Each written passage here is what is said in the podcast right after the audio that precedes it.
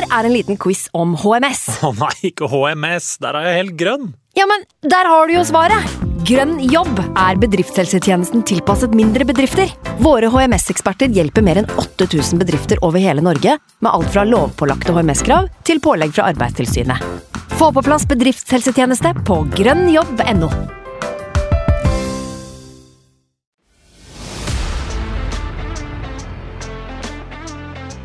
When I lose a duel, I'm upset.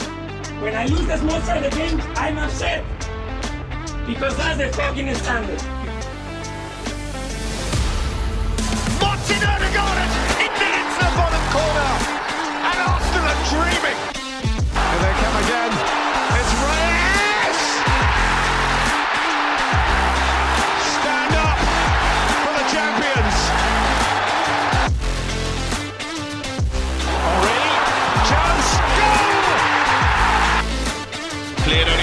As Nelson has to get his shot right.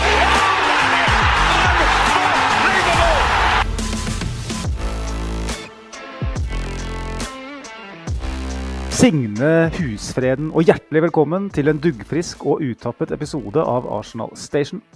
Nok en gang med hele fantefølget representert.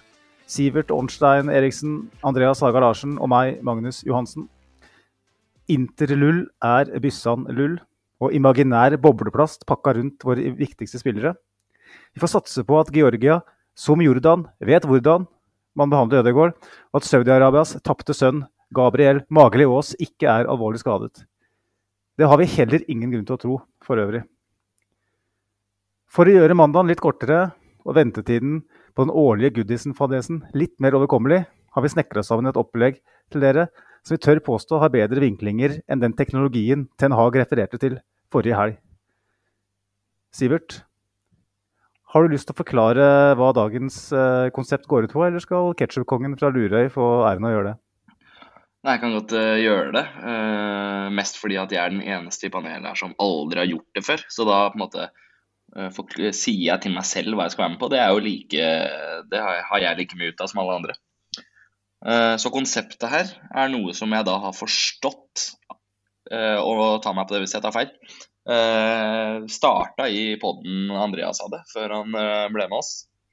Eh, Det er da rett og slett at vi fiska etter påstander, eller statements, siden vi er en jævla internasjonal podkast. Fiska etter påstander. F.eks. Eh, kaffe er bedre enn te. Eh, og, så skal vi da si om vi er enig, uenig, eh, likegyldig eller eh, ja. Den eh, rangeringen på svarene kan de andre ta meg gjennom. Men i hvert fall så blir det grobunn til flotte diskusjoner når eh, spørsmålene er litt mer interessant. eh, interessant og rundt Arsenal enn eh, Friele mot eh, Old Grey, Earl Grey, eh, Raspberry, Lemon Juice, Herb. Ja, det var det jeg ville si. Det riffes uh, veldig her, Sivert, det liker vi. Um, jeg tenker jo at uh, Andreas, som har vært uh, styrmann i egen podkast med konseptet, og egentlig òg er styrmann her i, i dag. Det er bare det at jeg følte meg veldig løs og ledig og hadde lyst til å skrive intro, og Andreas hadde litt knapt med tid i forkant. Så jeg tenker jo at jeg bare kan, sånn som seg hør og bør, gir stafettpinnen over til deg, Andreas. Så kan du eventuelt korrigere det som var feil i Sivert sin eh, omtale her. Ja, det første vi må ta er jo at det ikke er min idé. Det her, det her stammer rett og slett fra Arscast i, i England. Men eh, em, så var det jeg som, som hadde lyst til å prøve det i, eh, i norsk format, og fikk med meg da bl.a. Magnus og eh, våre gode venner Henrik og, og Marius ifra, eh, ifra Livet som Guner. Eh, og em, Simen har òg vært med, og, og Sivert, jeg tror kanskje du fikk en invite, men du hadde ikke tid engang. Jeg husker ikke helt. Men em, det er da i bunn og grunn sånn som Sivert eh, beskriver, rangeringa av, eh, av svarene vi skal gi. For at det skal bli minst mulig sånn her uh, sett på gjerdet, så, så har vi ikke med uh, verken eller i, i det her. Det er ikke sånn at du kan gjøre sånn som i valgomatene i, i Norge om dagen. og å få Norgesdemokratene når du er likegyldig til alt. Eh, men, eh, men her er det altså helt uenig, eh, litt uenig, litt enig eller helt enig i påstandene. Og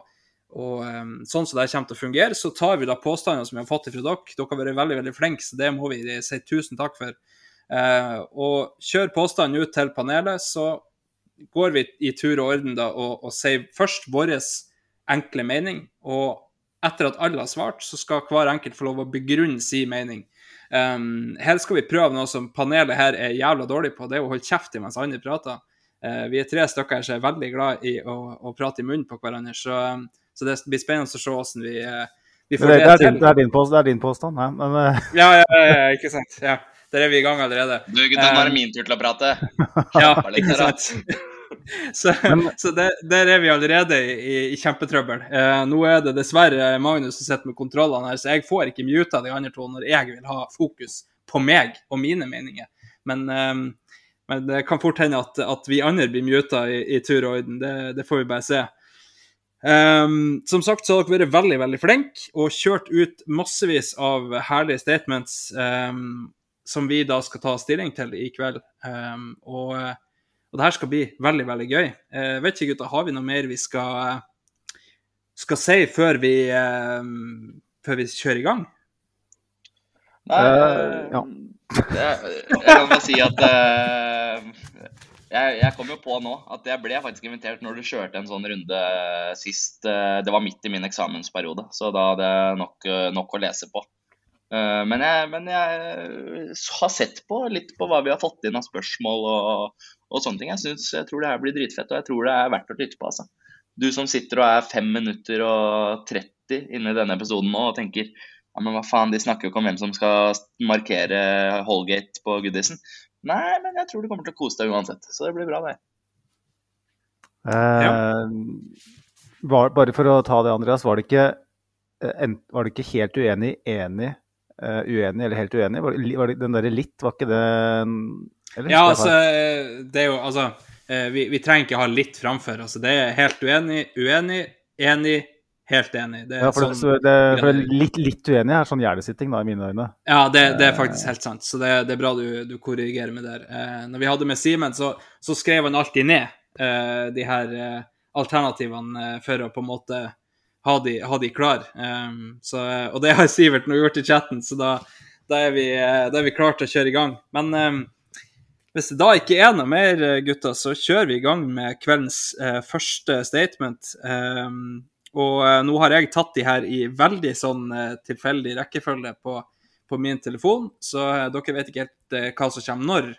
Eh, men vi begynner med en som alle tre var ganske enige om at den må vi i hvert fall ha med, og det er vår gode venn Franco som har kjørt på Twitter, eller X som det nå heter.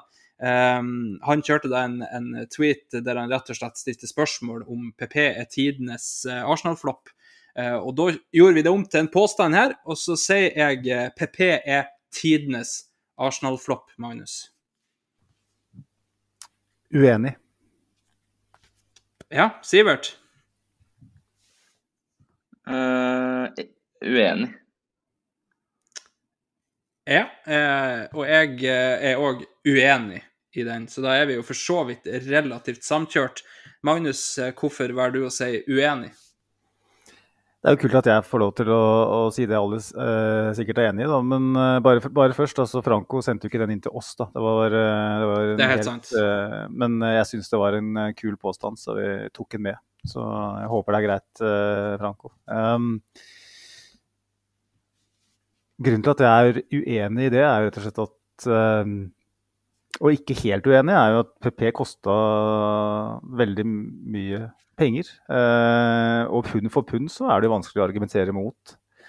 Men eh, leveranse eh, basert på forventninger er ikke så langt unna, hvis man ser litt bort fra det økonomiske. PP var et relativt ubeskrevet blad. Han hadde én god sesong i Frankrike. Han skulle til Premier League og spille en helt annen type fotball. Det var ikke noe garanti for at han skulle Det er ikke en Premier League-proven spiller der. Det er ikke en Barcelona eller Madrid-spiller som kommer. Det er en fra Lille. Så det var ikke noen garanti for at han skulle slå til. Eh, og jeg har en del eksempler på spillere som har levert veldig mye lenger unna det man forventa, hvis man ser bort fra det økonomiske. Annet en annen høyrekant som spilte i Arsenal på rundt samme tid eh, som PP. La oss ikke nevne navnet. Eh, er det noen som lurer på det, egentlig? Hvem det er? Eh, kan jo si det, det er William, selvfølgelig. Eh, og det er bare ett eksempel. Eh, så ikke engang i høyrekanttroppen i den tida, så er han den største floppen. så, så, nei, han er, ikke, han er ikke den største floppen sånn sett. Og jeg syns det er viktig at vi, at vi legger litt bort det, for jeg syns det er urettferdig rett og slett, å, feste den prislappen på PP. For det, det handler bare om en full uh, Raoul Sanjei som uh, eh, ønska å please agentkompisene sine. Og det, det har ingenting med Nicolas PP sine fotballferdigheter å gjøre. Nei, Sivert, du sa òg uenig. Hvorfor eh, valgte du det? Ja, skal jeg være helt uh, ærlig, uh, så tenkte jeg egentlig uh, helt enig, hadde jeg tenkt til å si, da jeg leste påstanden tidligere i dag og egentlig helt til vi satte oss ned. Men når jeg fikk spørsmålet, så endra jeg, og det er fordi grunnen til at jeg um, tenkte helt enig, det er rett og slett at det var så sykt mye penger involvert i den dealen, som bare gikk i til ingenting. Ja, et par bra kamper og et par bra innhopp og to frispark mot Victoria i Europaligaen. Og, og det, tanken min var at ja, han var ikke helt håpløs, men det er veldig få som har vært helt håpløse. Og, og de som har vært det, er liksom William, Myketarian, spillere som kom uten noe overgangssum. Så for Arsenal så er jeg helt enig. Men grunnen til at det endra meg, det er akkurat det Magnus sier. At uh, altså spørsmålet går jo på, ikke på dealen er den minst økonomisk gunstige dealen Arsenal har gjort? Det er jo ikke det spørsmålet. Det er er han den største floppen, og det er han jo ikke. Det er jo det er jeg uenig i. Så er det derfor jeg landa der. Ja, nei, men eh, veldig greit. Dere oppsummerer det veldig, veldig bra her, eh, gutta. Jeg kan bare følge opp med å si 112 kamper, 48 målpoeng. Det er ikke så veldig dårlig stats. Eh, selv om mye av det kommer i Europa League mot dårlig motstand, så, så syns jeg som dere, så altså, skal man si det pund for pund, som Magnus sier, så er det altså, nesten uten tvil den, den dårligste dealen vi har gjort. Eh, fordi at det er 72 millioner pund ut, og vi får hva det er, 2 millioner eller noe sånt igjen.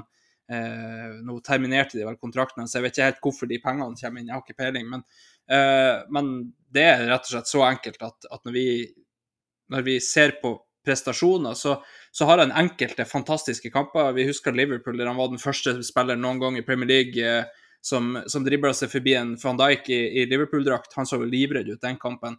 Eh, vi husker en, en, god opptreden i FA Cup-finale. Vi husker flere gode kamper, som Sivert nevner, imot Vitoria i Europa League, der han rett og slett vinner oss den kampen alene med to frispark. Um, så, så det, er, det, er, flere gode øyeblikk, og så syns jeg at uh, klubben har ikke takla det bra. Ariteta etter en bra avslutning på sesongen for PP, så kjøpte han William som direkte konkurrent. Eh, det må jo ha knust eh, sjøltilliten hans. Nå, nå, hører vi jo diverse rykter om at eh, han har ikke akkurat den sterkeste personligheten sånn sett. Det vet vi òg er et krav for Ariteta. Så nei, som begge to er innom her, så er det rett og slett Det er ikke den dårligste dealen vi har gjort. Ja, Sivert, du har noe å fortelle her? Jeg kom faktisk på det nå når vi hadde prata litt rundt det, at langt på vei så vant han faktisk FA-cupen for oss, altså. Den uh, finalen mot, mot, Chelsea er kanskje noe av det bedre jeg har sett uh, faktisk i en finale for Arsenal. Jeg har ikke sett så mange. Så jeg, jeg lander faktisk på uenig, altså. På grense... Ja, ja, ja, der er vi. Ja, og som dere begge er innom her, dere spillere som har gjort det ganske mye verre enn PP sånn samla. Eh, og jeg syns han får et altfor dårlig rykte for en situasjon som eh, sportsdirektøren vår skapte, egentlig. Hadde han kommet for 30 millioner pund, så er det ingen som har sittet og pratet om en sånn. Da har vi sett på 48 målpoeng som eh, helt greit eh, utbytte ut av det. Eh, og så, så takler ikke klubben det så bra når de sender han på utlandet. Når han kommer tilbake, så kommer han ikke tilbake. Da, da signaliserer du til hele verden at her er det egentlig bare vent, så terminerer vi, og så, så tar dere han eh, omtrent gratis. Så eh, klubben kunne ha takla det bedre. PP kunne garantert ha gjort mye bedre, det, det er ikke det jeg sier. Men, men um, ja, det, han er ikke den største floppen. Um, skal vi se oss ferdig med den da, gutta? Jeg regner med det er ingen som forandrer noe mening her. Ja, jeg tror det blir kjedelig å lytte på hvis man bruker så så lang tid på ting alle er enig i. Så, så ja. Ja, men da kjører vi videre til eh, neste, som er Andreas Mathiassen eh, etter Danny Nordiassen på X. Eh, Raja er en bedre keeper enn Ramsdale og blir Artetas nummer én innen november, Sivert.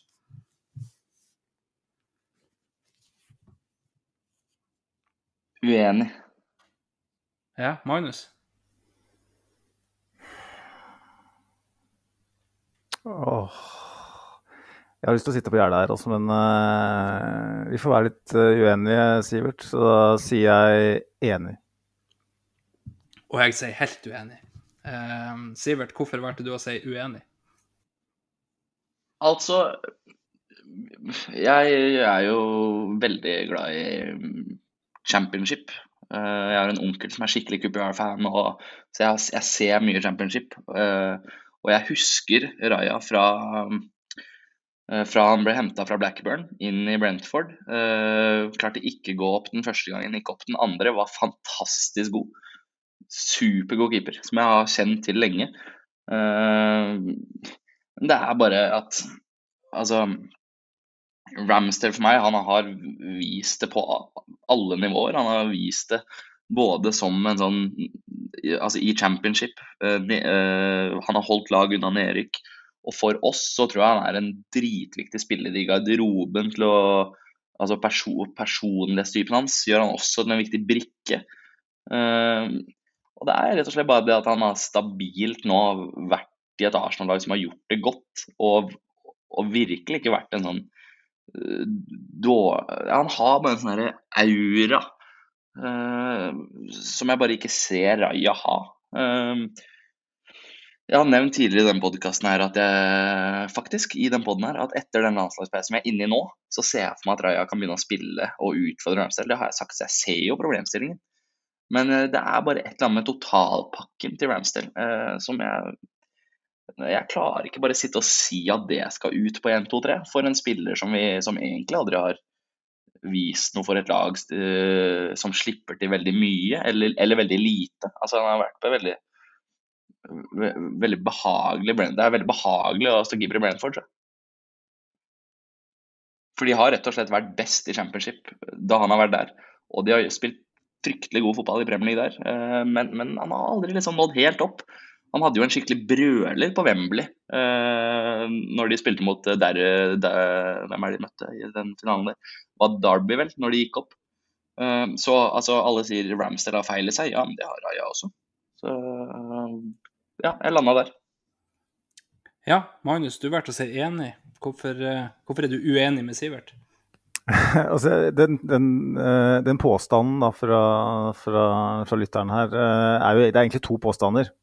Den ene er er Raja en bedre keeper, den andre er er Raja førstekeeper 1.11., eller hva det var. Um, den første syns jeg er vanskelig å svare på. Den andre åpenbart også vanskelig å svare på, men jeg tror at Raja kommer til å få sjansen nå. Eh, jeg er nok av de som tror at den signeringa her er et forsøk på en oppgradering. Det er ikke sikkert man lykkes med det. Han er veldig, en veldig god posisjon rent eh, eh, altså, Med tanke på at han er innlånt, så hvis det ikke funker, så ja, da, da skal jo Ramsdale takle det ganske fint og, og bli utfordra og, og, kanskje bli vraka, fordi at han han da er best under press, som han selv sier. Um, kanskje er det en måte å teste Ramsdale på, jeg aner ikke. Jeg, jeg, jeg, jeg, tror ikke en fotballklubb på det nivået her kommer til å ha to så gode keepere over tid. Uh, enten Ramsdale eller Raja er ikke Arsenal neste sesong, tror jeg. Og uh, jeg, jeg, jeg syns det er vanskelig å se for seg. Nå har Ramsdale på en måte vist det at han er veldig god når, uh, når det skjer mye rundt den. Eh, han, jo, han, hadde sin soleklart beste periode når, i den første sesongen, når Arsenal hadde mindre ball, når Arsenal hadde slapp til flere sjanser imot. Og det er jo kanskje naturlig òg. Men jeg syns han viser litt tegn, spesielt på hjemmebane, til at han ikke helt har det lille ekstra da, eh, når han står arbeidsledig i store deler av matchen. Han gjør ikke de feberredningene på hjemmebane. Eh, han, han, gjør ikke det umulige redning på hjemmebane, men han gjør det på borte i giftig atmosfære, når han får flere skudd mot seg, da er han gud. ikke sant? Han er kanskje nesten den beste keeperen i Premier League når, får, når, når det skjer litt rundt den. For han fyres opp av det, det har han sagt sjøl òg. Eh, Raja kjenner jeg ikke så godt til, men jeg vet at Ariteta og keepertreneren er blodfan av fyren og har forsøkt å hente han i mange mange sesonger. Så jeg tror at intensjonen eller håpet er at han skal på en måte gi Arsenal en enda større dimensjon med, med ball. Og kanskje er en mer kalkulert type uh, enn Ramsdale sånn sett. Uh, og han er en bedre keeper totalt sett, det, det er så jævlig vanskelig å svare på. Så jeg, jeg velger litt feigt å kun svare på del to av påstanden.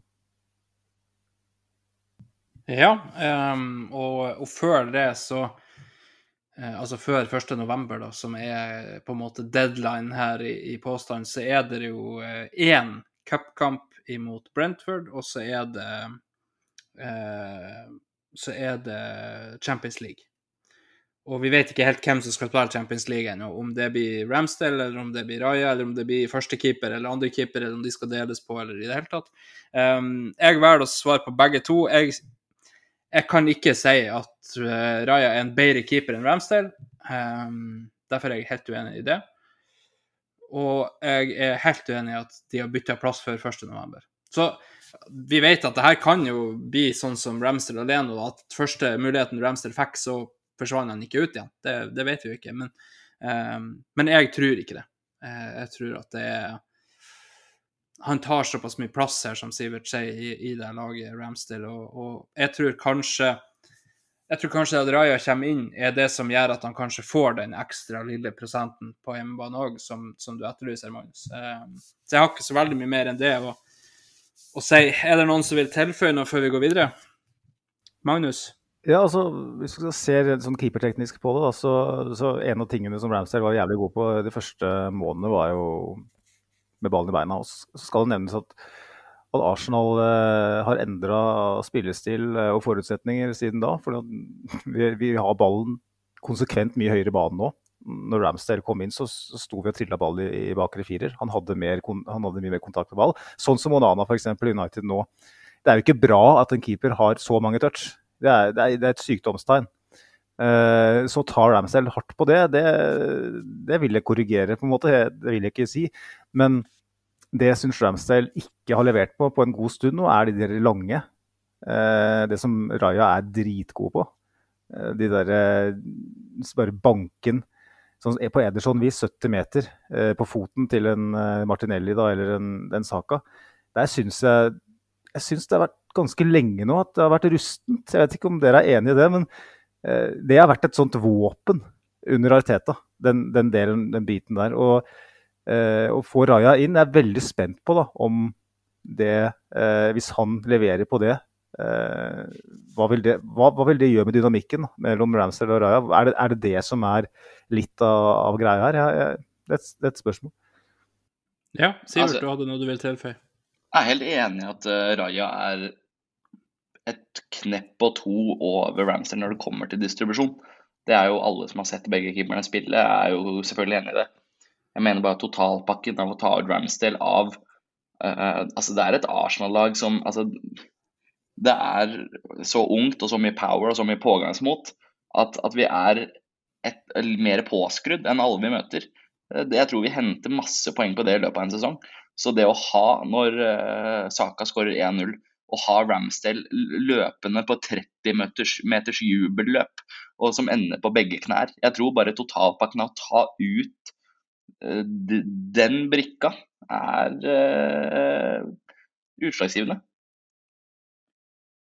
Ja, og så vil jeg legge til at uh, at Ramsdale har dippa litt på spesielt de lange som du er inne på, Magnus. Uh, noe av det er jo kanskje hvem man har å slå imot òg.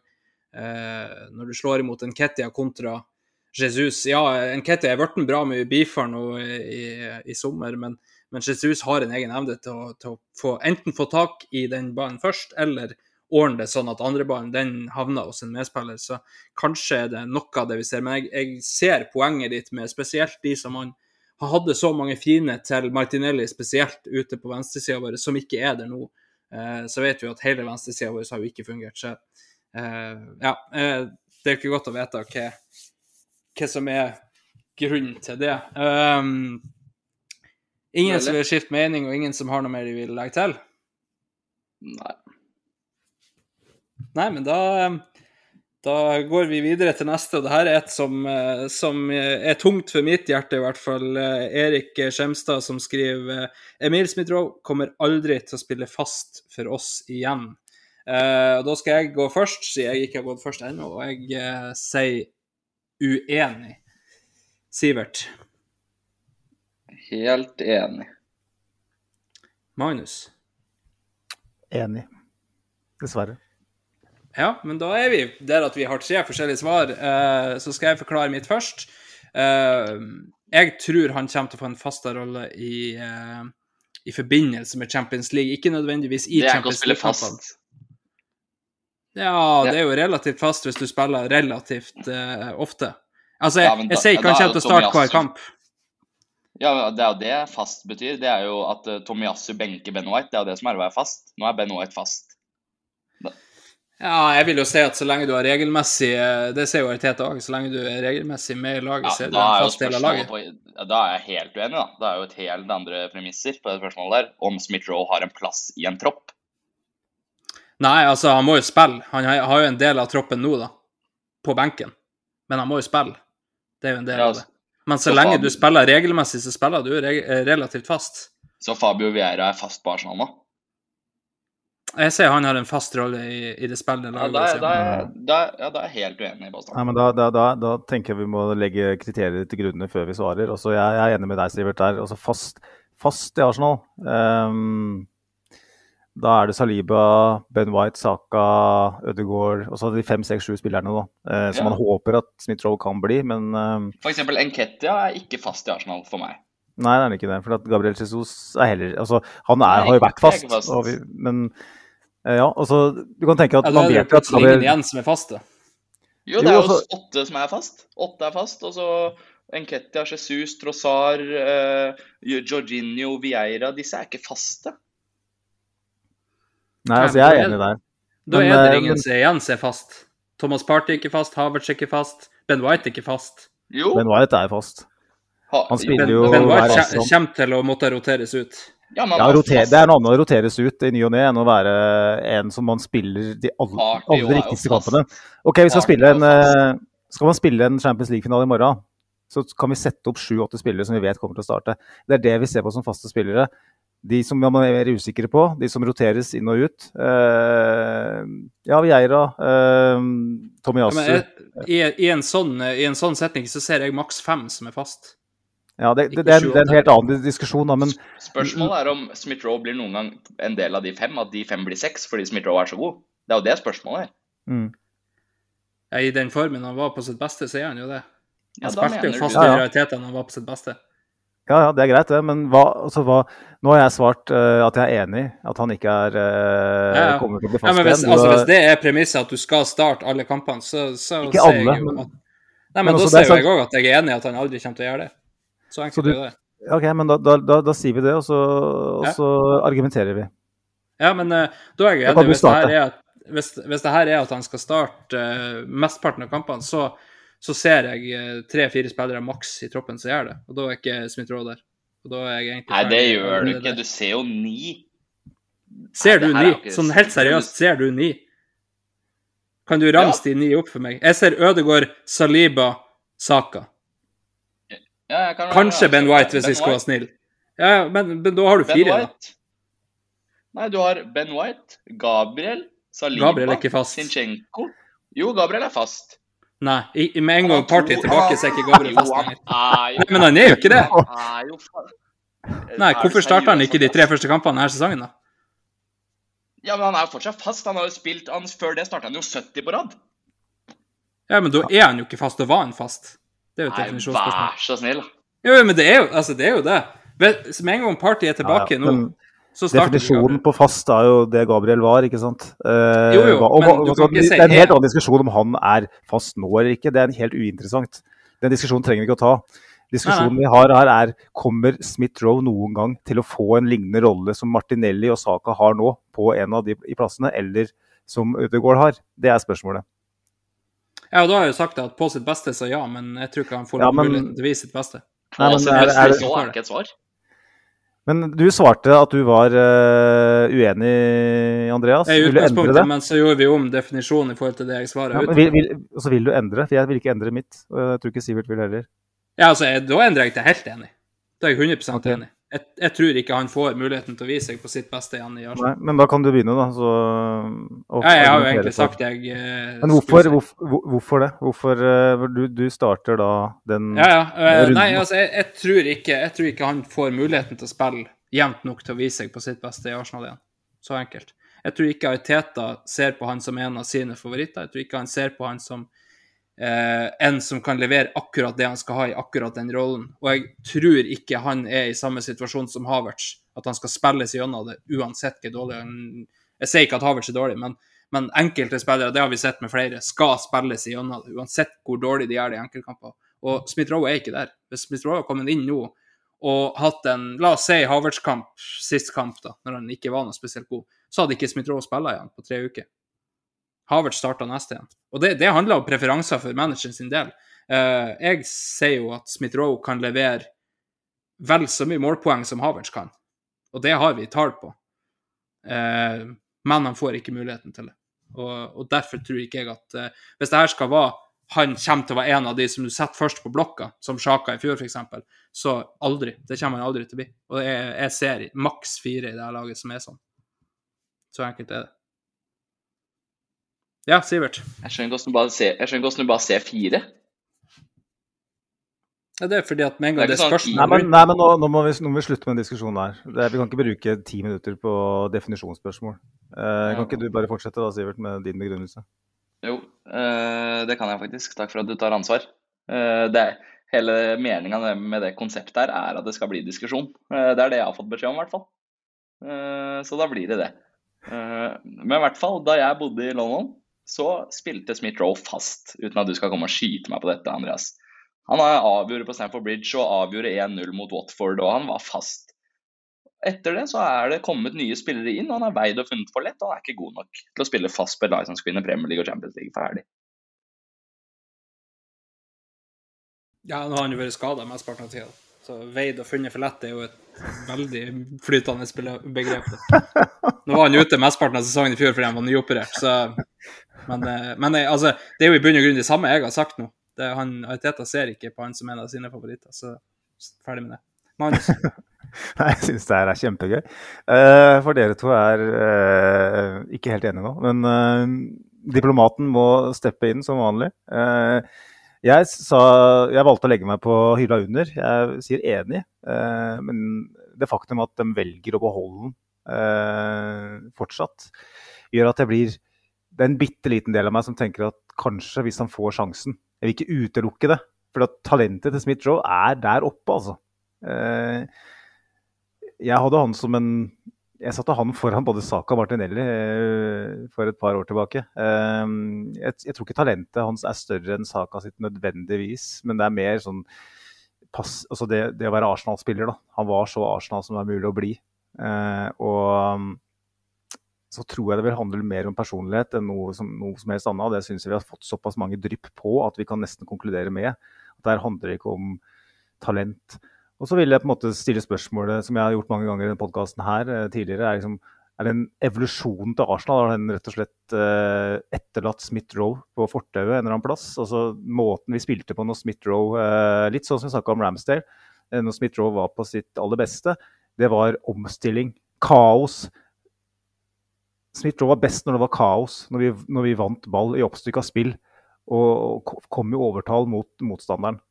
Hvor ofte, hvor ofte kommer vi til å få sånne kampbilder eh, sånn som det er nå, spesielt på hjemmebane? Hvor vi står og triller en kula på motstandernes 16-meter i 70 minutter og har over 70% kanskje nesten nærmere 80% ballbesittelse. Det blir, kommer til å bli så sjelden, og da er spørsmålet mitt da er, liksom, er, er Smith Rowe et sånt kampforløp når man skal stå og trille? Når man, når man ikke kan gå på de der eh, kombinasjonsrunna sine, eh, hva er Smith-Roe da? Eh, er det det det handler om her? Jeg vet ikke. Men jeg er enig, jeg tror ikke at han er Artetas kopp te. Og jeg tror kanskje at Arsenal har, er på et annet sted nå, som gjør at Smith-Roe og potensielt og Ramsdale er ofre for, for den evolusjonen.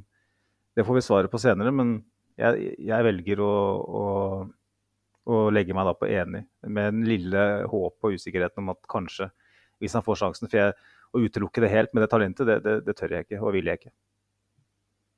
Nei, eh, veldig greit. Eh, han leverte jo på sitt beste når det var kaos, som du sier, eh, litt i, i likhet med PP, når han fikk muligheten til å, å gå på kjappe overganger, når han fikk ta motstander på, på on the back foot og, og fikk utfordre sånn sett. Um, og, og Smith-Roe er absolutt eh, best der, uh, han òg. Jamie Carriger beskrev han vel som den beste til å carry the ball i Premier League når han var på sitt beste. og som du sier, så er det ikke så mye carrying of the ball nå. Eh, nå skal vi bryte ned. Eh, jeg syns jo den offensive delen av Sjaka-rollen har han jo vært perfekt til. De der litt smarte løpene inn. Eh, men jeg tror, som, som deg, Magnus, at Smith-Roe er ikke helt uh, Teta skopp til. Og som jeg har sagt tidligere, så tror jeg ikke han får muligheten til å vise seg fra sitt beste igjen. Det, dessverre. Jeg tror fort etter neste sommer så er nok han ute av klubben. Noen som har noe å tilføye her? Jeg bare håper vi fortsatt er venner. Vi er alltid venner, Sivert. Det, selv om du kalte Mo i Rana en by midt i Norge uten kyst i forrige episode, så, så, så, så skal vi fortsette å være venner. Og så begynte vi å snakke om, eh, om, eh, en som ikke hadde peiling på kyst, en som er oppvokst på ei fuckings øy. Eh, så det Ja, vi, vi, kan være venner likevel, vi, Sivert. Ja, greit, jeg tar den. Ja, det er bra, det. Da kjører vi videre til Fredrik Heierstad, som kjører ut The Crunkies er gode eiere av Arsenal, Magnus. Åh, det er en god påstand. Veldig. Eh, veldig god påstand. Eh, veldig god på gjerdet-påstand. Mm, mm, eh, jeg velger uenig. Ja, Sivert? Um, altså Cronky Sports and Entertainment som en, en, hel, en helhet. Men altså, det er jo de som er eiere, det, så må, ja, vi må vel da, si det sånn, ja. Men vi, vi da, sier vel ja. det de gjør for klubben, sånn sett. Altså, altså jeg mener eh, Altså, jeg argumenterer jo seinere, så nå skal jeg bare svare um, enig. Ja. Jeg legger meg eh, i lag med Sivert på enig. Magnus, du er på uenig. Kjør på. Gammel og bitter er vel eh, sikkert eh, karakteristikken jeg vil få nå. Eh, for det handler litt om det. Eh, jeg skal ikke ta fra eh, KC den rollen de har hatt de siste to årene. For det, man ser i en annen klubb som vi spilte mot for en uke siden, at, at amerikanske eiere som ikke involverer seg, det, det kan gå, gå veldig galt. Og vi vet det veldig godt sjøl. Og så har jo Josh kommet inn, da, og man ser at de andre eh, sportsklubbene de driver, gjør det bra. Eh, jeg bare ønsker å forbli skeptisk basert på det faktum at eh, ja, vi får inn Miquel Arteta, eh, men og hvor mye kred skal de egentlig ha for det? Det er et uh, bås i valg, men det var samtidig et andrevalg i en ekstremt kaotisk prosess hvor Emery får, jobben. Og jeg Og de, de, de, ga jo De sto ikke i veien for, for pengebruk under Emery heller. Eh, det er bare det at jeg tror Det handler så ekstremt mye om Michael Arteta her. Med, i, I medvind så kan kanskje Cronky være gode eiere. Men med en gang det sklir litt ut og det begynner å skurre litt, så, så har jeg ingen tillit til, til KSI. Eh, det er for mye hands off, rett og slett. Og jeg vil ikke gi for mye creds til, til dem. Og det, det, er sikkert fordi at jeg er bitter som faen etter de åra som var i forkant. Eh, så med litt agenda så legger jeg meg da på uenig. Ja, Sivert, du valgte å si enig. Din argumentasjon der? Ja, det har rett og slett med at uh, jeg syns lenge at det var håpløst. Uh, altså det Ikke ble det brukt noe penger Altså back in the days ikke ble det brukt noe mye midler. Ikke viste det seg, ikke ble det sagt noe. Det var ikke så mye som et intervju. Så hadde du spurt meg for uh, fire år siden, så har jeg sagt uh, at de er helt forbanna patetiske eiere. Men det er bare noe som har skjedd de siste to årene, med at eh, tre årene ja, Til og med som eh, Martin sier, nei, Martin sier, eh, Magnus sier eh, om Emery også, det ble brukt penger. Eh, Så de har Altså, etter Josh kom inn, det er, det er derfor jeg sa det, det jeg sa i stad. Etter Josh kom inn, begynte å vise seg på treningsfeltet i preseason, stille litt intervjuer. Og altså, vi er den klubben som har brukt nesten mest Det er ikke riktig, men vi er helt oppi der når det kommer til nettspenn de siste årene. Så de har ambisjoner om å være i toppen. Ja, ok, det er sammen med Miquel Arteta som åpenbar pådriver. Men nå har de jo den pådriveren, da. Altså, det, det er jo altså, altså, Chelsea har en trener som er superdyktig. Altså Det Pochettino gjorde med Tottenham, det er eh, Jeg satt og gnei meg i øynene periodevis der. Han får ikke til en De klarer ikke å spille på lag med han der borte. Altså De gjør ikke seg selv. Det er ikke bare å si til Arteta her har du Rice, og så fikser du resten. Jeg bare føler at de fortjener at jeg ikke skal være så bitter for det som skjedde eh, for en stund tilbake. Og jeg velger å rett og slett gi dem the benefit of the doubt, altså. Og legge meg på enig. Ja, jeg la meg la med deg, og så, eh, så har jo Magnus såpass mye god, holdt på å si, nostalgisk argumentasjon her at det er nesten som han bikker tilbake igjen. Men um, på vel så mye på grunnlag av det jeg ser som alternativ, uh, som det de faktisk gjør. Uh, ender jeg jo der jeg ender i lag med Sivert på enig. Uh, vi har, som Magnus helt riktig påpekt, så har vi sett hvordan det gikk i starten. Nå skal det jo sies at etter at de tok over 100 så, så, så har det blitt eh, ei viss bedring enn når de og Usman hadde satt og kniva om, om uh, Top Dog. Um, pengebruken har i hvert fall blitt heftigere, og så har de ansatt feil folk. Det skal de ha kjempemye kritikk for de lot Raoul Sanier drive denne klubben her som eh, ja, rett og slett eh, kaffeslabberas med kompiser. Eh, og så bare kasta ut penger til alle de han hadde på sine kontaktlister på telefonen. det var ikke så veldig nøye hva manageren ville ha. De henta en Unai Emery som hadde gode sesonger med Sevilla og Valencia vel i, i i Spania, eh, i Europa riktignok, men, men eh, ikke så mye i ligaen. Eh, PSG? PSG òg, men der så vi jo at han plagdes veldig mye med store navn. Eh, og så signerer de da en PP for 72 millioner pund. Ikke at han var så stort et navn, men, men ja. Um, og vi visste at det kom til å bli turbulent etter Wenger. Det, det måtte bare bli. De prøvde seg på en moderne ting, så går de tilbake til en litt mer ja, old fashion måte å gjøre ting på. Henta Teta, som Magnus sier, altså Det skulle vel ikke så veldig mye fantasi til for å få Teta dit. Eh, alle skrøt han opp i skyene i City. Eh, han var så fantastisk, han var så bra. Han hadde en kjempesterk eh, tilknytning til klubben. Det var vel ikke så veldig veldig vanskelig å legge to og to i hopen der og, og få fire. Så, så, akkurat der skal de ikke ha så mye creds. Og så tror jeg at det de har henta nå, ja, det er de som står bak pengene, men det er jo du og Arteta som har gjort alt det her, i størst grad Arteta. Um, så de skal ha mest creds for det som, som har gått positivt. Uh, det som gjør at jeg bikker over kanten til, til, at jeg er enig, er rett og slett se for et kaos det er i andre klubber. Uh, se på Chelsea, som, uh, som Sivert nevner.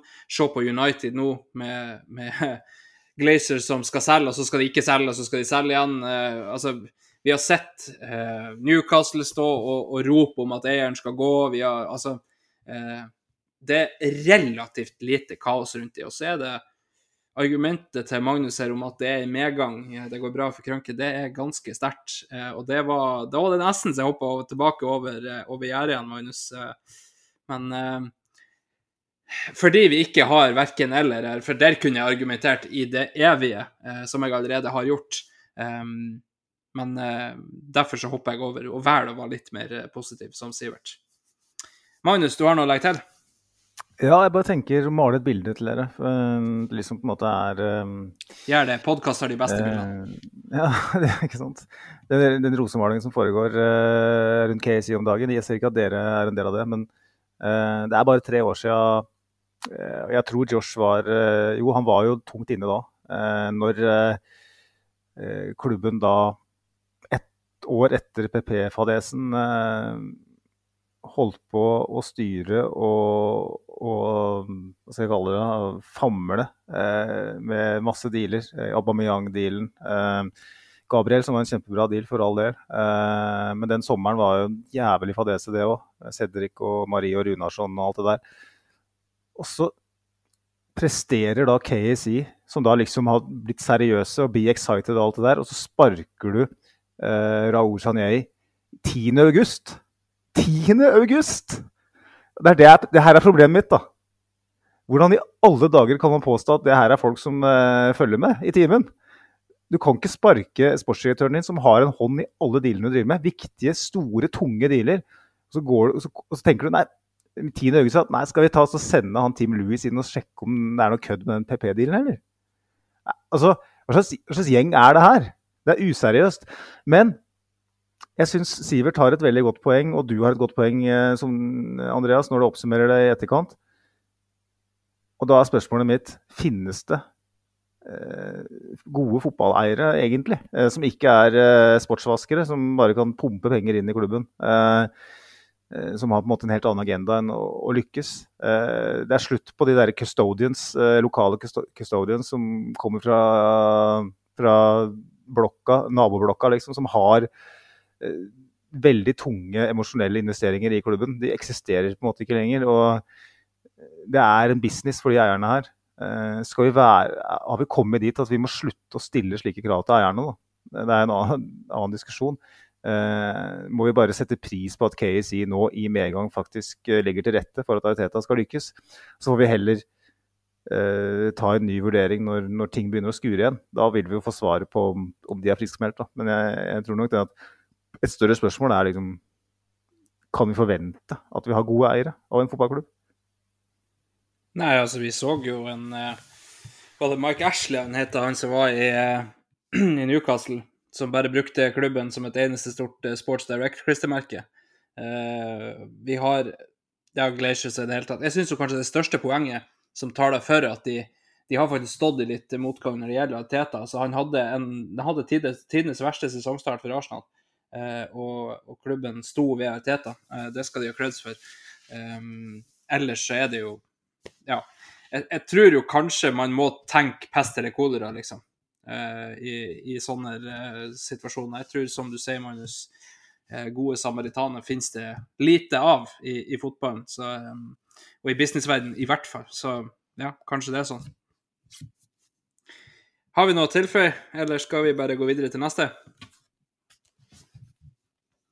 tenker vi kjører på, Andreas. Vi kan ikke bruke for lang tid på alle statementsa. Så det er sant. Å få med flest mulig. Da kjører vi på Knut Erik Bjørklund. En skadefri Abu Diabi hadde dominert alle Arsenal-utgaver i PL-æraen. Sivert? Helt uenig. Magnus? Helt uenig. Og jeg legger meg òg på helt uenig. Sivert, du skal få lov å argumentere først.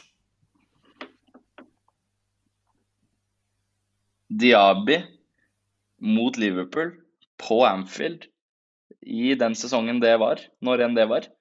Hadde det vært den spilleren du fikk i 38 kamper, så hadde den kosta 250 millioner pund og gått inn på alle lag i Europa for all tid. Det, men det er jo ikke det vi hadde fått. Ja, vi hadde en skadefri Abu Dhabi, var ålreit, men dominert på alle Arsenal-utgaver. Jesus.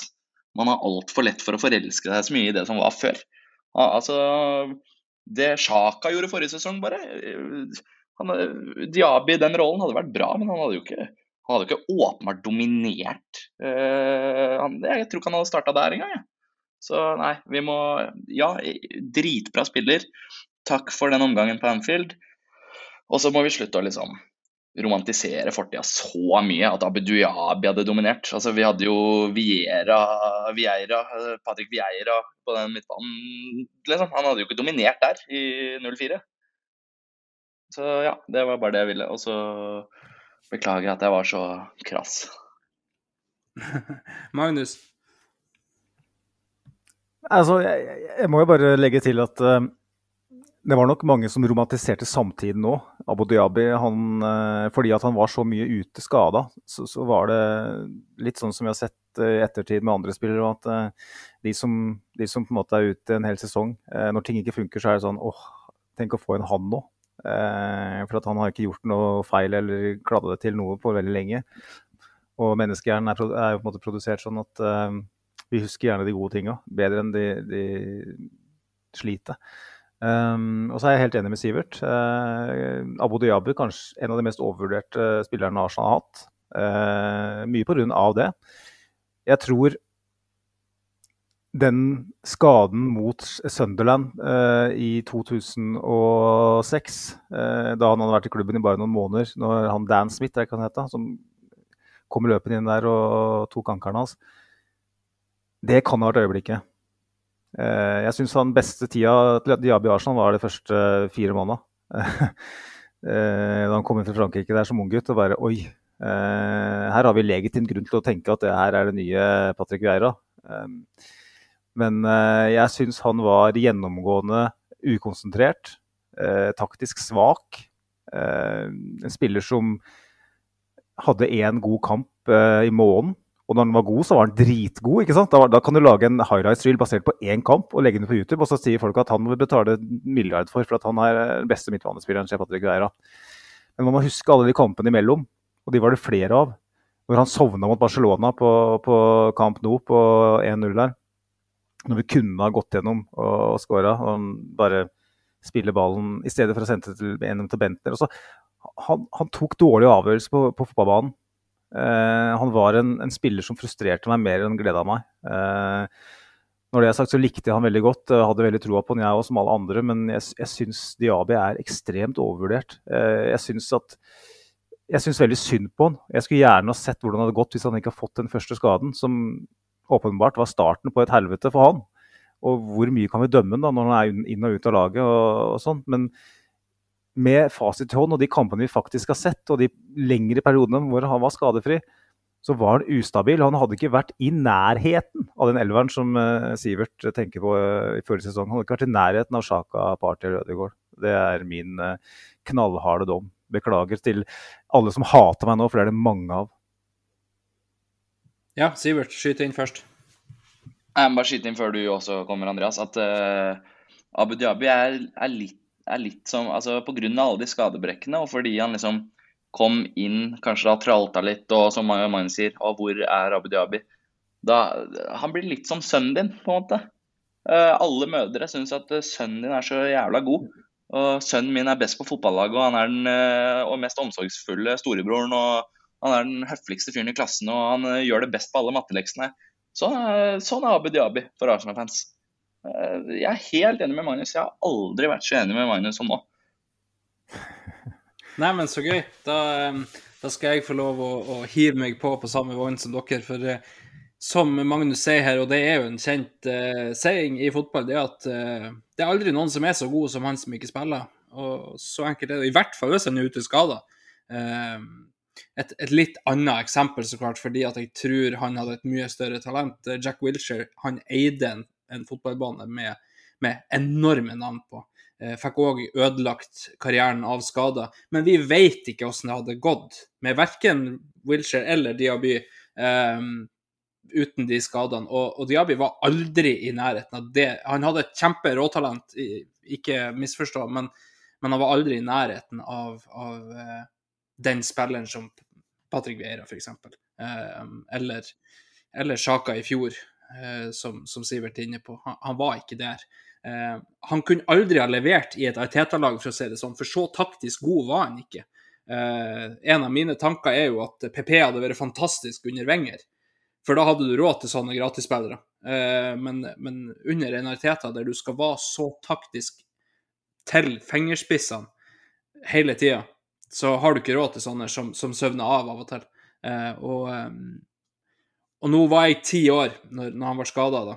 Eh, så eh, første gangen Så jeg, jeg, jeg, kan ikke uttale meg kjempemye om det, men, men eh, det jeg har sett, det lille jeg husker sånn, var jo stort sett at folk prata om at ah, så bra han var før han var skada i det hele tatt. Eh, og da blir det narrativet. Nå fikk vi nevnt narrativ i dag òg. Eh, så, så kaster man seg på den, liksom, fordi at eh, det er det alle sier. Ah, herregud, så fantastisk han hadde vært. Det er det samme som at folk sier at Tony Adams hadde vært en fantastisk stopper i Arsenal i dag. Jeg vet ikke om Tony Adams hadde vært så jævla god i, i dagens fotball. Det vet man ikke. Det er umulig å si det. Så um, han hadde ikke, Diaby hadde ikke dominert i alle Arsenal-utgaver i PL. Eh, ferdig. Jeg, jeg, trenger ikke argumentere noe mer på det. Har noen noe mer å fyre inn her? Nei, jeg er enig. Nei, jeg tror vi må speede opp litt for å rekke gjennom alle. Vi har fått inn så mange, så jeg tror vi burde speede opp litt. Så da kan jeg bare avslutte med å si at min favorittspiller i Arsenal, Mohammed El Neni, er bedre enn Diaby. Går vi videre. den, den, den, er saftig. Det er, det er en påstand som vi, både jeg og Andreas kan kle av umiddelbart, men uh... Ja da, og, og, og, da hadde vi blitt søttene her i kveld. For da hadde, vi det er ikke sikkert vi har vært venner etterpå, Sivert. Um, da tenker jeg at vi går videre til um, til uh, den her ifra uh, Hedley BN, som sier at uh, Willoch hadde vært perfekt i vår venstre åtterrolle slash Sjaka-rollen, Sivert. Helt enig. Magnus? Um, uenig. Og jeg velger òg å gå på uenig. Sivert, du var helt uenig. Kjør på her. Jeg skal kjøre? Var det det du sa? Beklager, det hang opp litt her. Ok, uh, Casen her er at uh, lytterne kan bare trykke på den der 15 sekunder tilbake-knappen. Trykke på den en eh, sju-åtte uh, ganger og høre argumentasjonen min om å romantisere fortiden. Uh, og så har jeg egentlig svart på det igjen. ass. For Willoch fikk sjansen sin i Arsenal, han fikk sjansen sin under Arteta. Uh, og han er ikke god nok. Han, eh, ble, han hadde et uh, halvår etter overgangen som var dritbra i Newcastle. Nå får han ikke spille der heller. Nå blir han benka i, i de samme åtterollene for Bruno Guimares og Tonali. Kjempespillere. Spillere som argumentertbart ikke er bedre enn Sjaka. Så da å snakke om at han har vært perfekt for Sjaka-rollen, uh, syns jeg ikke er nødvendig. Ja, Magnus? Nei, altså Joe Willoch eh, sin rolle i det Arsenal-laget som vi husker Nå husker vi igjen tilbake til eh, Unnskyld, Smith-Rover Ramsdale-laget, for å ta oss noen minutter tilbake. Så, så, var det ikke noe åpenbar rolle for han. Jeg forstår veldig godt hvor uh, Hedley kommer fra her. Den rollen eh, som vi etter hvert uh, begynner å bli kjent med, venstre åtterrollen i Arsenal, eller en fri eh, rolle offensivt. Litt mer eh, taktisk defensivt. Også en, altså fri og fri, det er kanskje å ta i, men også en spiller som skal eh, gå på de gode løpene eh, og de dype løpene, skape ubalanse. Eh, jeg ser absolutt at eh, det kunne vært en rolle som kunne passa Willoch også. Eh, en spiller med stor løpskapasitet som jeg tror kan coaches til å være god i presset, og det har han vel vært i Newcastle òg. Um, en vanvittig god avslutter, det er han jo. Uh, kommer til mange avslutninger. Uh, kommer inn i boks uh, som en spiss. litt som vi ser Sjaka Nei, unnskyld, Havertz ligger i presset, så ligger han nesten som en, en tiger. Nesten en en uh, ytterligere spiss. Uh, jeg, forstår modelleringen veldig godt, men jeg tror allikevel ikke at han er god nok. Uh, men jeg syns det er en veldig interessant tanke. og det har vært, vært veldig, veldig, spennende å sett, men jeg, jeg, tror ikke det hadde vært nok. Da. Så det er derfor jeg legger meg på uenig og ikke helt uenig.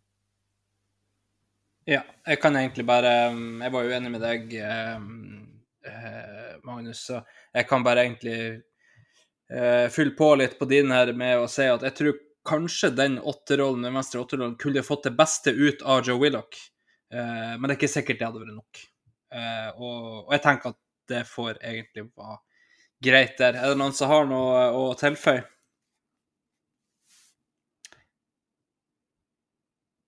Sivert er muta. Beklager. Eh, jeg er jo enig i at jeg ser kvalitetene til Willoch, og, at han hadde passa i rollen eh, som enkeltspiller. Men eh, jeg syns ikke han er god nok i det hele tatt. Og så kjenner jeg Hedley personlig. Vært på et par bendere mann i London.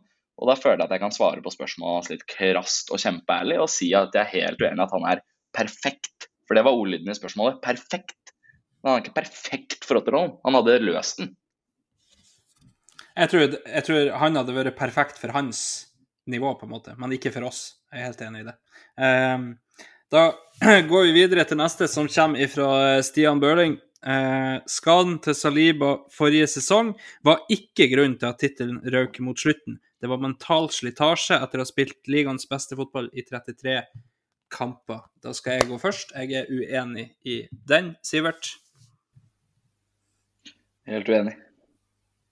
Magnus? Enig. Ja, eh, da skal jeg forklare hvorfor jeg er uenig, ikke helt uenig, eller på andre sida til enig. Um, hovedsaken er drop-offen uten Saliba. Uh, vi så forskjellen på Holding og Saliba i det laget her. Uh, og jeg Grunnen til at jeg ikke er helt uenig, er fordi at jeg så tegn til mental um, slitasje i spillerne i tillegg. Um, det var ting som ikke satt, det var ting som um, som ikke på en måte gikk sånn som det gikk tidligere i sesongen, sjøl på en måte uten at Saliba skulle være involvert i det. Um, men hovedårsaken til at det gikk så mye dårligere uten Saliba, var fordi at Saliba var 100 ganger bedre enn Holding. Og, og, det er ikke en Det er egentlig ikke noe sånn eh, nedhøvling av Holding heller. For det er faktisk eh, så enkelt at uh, Saliba er så jævla god, uh, og, det får bare være det. Um, så jeg tenkte at ja, det var noe mental slitasje, absolutt. Men største poenget der er at Holding var en såpass stor downgrade for Saliba at det var utslagsgivende nok i seg sjøl. Sivert, du sa helt uenig, vel. Hva er din argumentasjon for det? Nei, Først og fremst må jeg si at folk kommer jo til å skru av den poden etter hvert, bare fordi at jeg er så irriterende og er helt uenig i alle påstandene. Ehm, det er liksom ikke en eh, liste jeg har satt meg å bare være uenig for moro skyld. Men jeg mener at altså, Arsenal spilte så sinnssykt bra fotball. Og alle vet åssen det er i, i, livet generelt når alt flyter. Når det går bra med dama, når du, når du har gjort det bra på en eksamen, når du har fått uh, lønnsøkning på jobb. Når livet er dritnice, så er det enkelt Du står opp med en god følelse i deg. Du smier Du er den beste utgaven av deg selv. Og det var Arsenal. Klink fram til Saliba ble skada, omtrent på dagen. Jeg mener at mentalt utslitt er ikke argument godt nok for det som skjedde. Vi tapte ligaen med seks poeng, om jeg ikke husker feil. Fem poeng, faktisk. Og det å da sitte og tro at eh, hadde Saliba spilt resten av kampene, at vi ikke hadde fått fem poeng mer enn vi fikk med Holding. Det handler ikke om mental slitasje for meg, det handler om å, å, at vi måtte dessverre på, bytte oss så ned i startelver at vi ikke var på det toppnivået som vi viste i 200 og et eller annet dager. Og da sliter jeg med å være uh, enig i den påstanden rett og slett. Men eh, Magnus skal jo argumentere mot nå, så Stian blir jo hørt, i hvert fall. Men eh, jeg legger meg ikke på den, altså. Ja, og da, Magnus, eh, da er scenen din. Takk for det, Andreas. Uh, Stian, jeg ser hvor du kommer fra. Jeg, Sivert, jeg tenker jo at kanskje hadde de hatt fem poeng mer, men hvis vi hadde hatt fem poeng mer, så hadde City òg hatt fem poeng mer. For de hadde aldri i verden gitt bort de poengene de siste to kampene, eh, hvis de ikke allerede har vært seriemester. Eh, jeg ser åpenbart at eh, måten vi eh, spilte på, ble radikalt ramma av at Saliba var ute, men man så tendensene også før han gikk ut. De defensive tallene var svake gjennomgående etter VM, egentlig. Kanskje bortsett fra de første kampene. Og mm, vi hadde definitivt vært bedre. Eh, kanskje hadde vi ikke fått den samme knekken. Det er vanskelig å si, selvfølgelig, men jeg, at Saliba-skaden er en medvirkende faktor, ja. Men jeg tror det handler like mye om eh, mental slitasje. Og flere andre faktorer også, vil jeg si. Altså, se hva Arteta holder på med nå. da. Eh, skape taktisk fleksibilitet snakka vi veldig mye om eh, på slutten av forrige sesong at det er en av de tingene vi må få på plass foran neste sesong. Uh, uavhengig av Saliba, på en måte. Vi må bli mer taktisk fleksible. Og man trener på nye stiler i de første kampene i sesongen for at man må gjøre det. Uh, og den det kruttet som Arteta fant opp på starten av forrige sesong, det ble eh, fuktig, er ikke det man sier? Eh, mot slutten av eh, sesongen. Og vi ble mer eh, forutsigbare. Man visste litt mer hvilke knapper man skal trykke på, med og uten Saliba. Jeg tror vi hadde hatt flere poeng, men jeg tror at altså, Det er derfor gjerdesitting burde vært et alternativ her, gutta. For eh, jeg er enig i at Saliba-skaden var en medvirkende faktor, men jeg er enig med Stian i at det alene ikke kan forklare det. Ja, men da har vi jo egentlig argumentert eh, både for og imot. Det er artig at vi kan være litt uenige av og til. Um, er det noen som har noe å tilføye før vi går videre til eh, neste? Det så ut som dere var eh, rimelig klar for det. Da er det faktisk ifra, ifra en viss uh, Sivert Skarstein Eriksen, høres ut som en skikkelig tulling, um, som sier at uh, Ødegård er bedre enn Mesut Özil.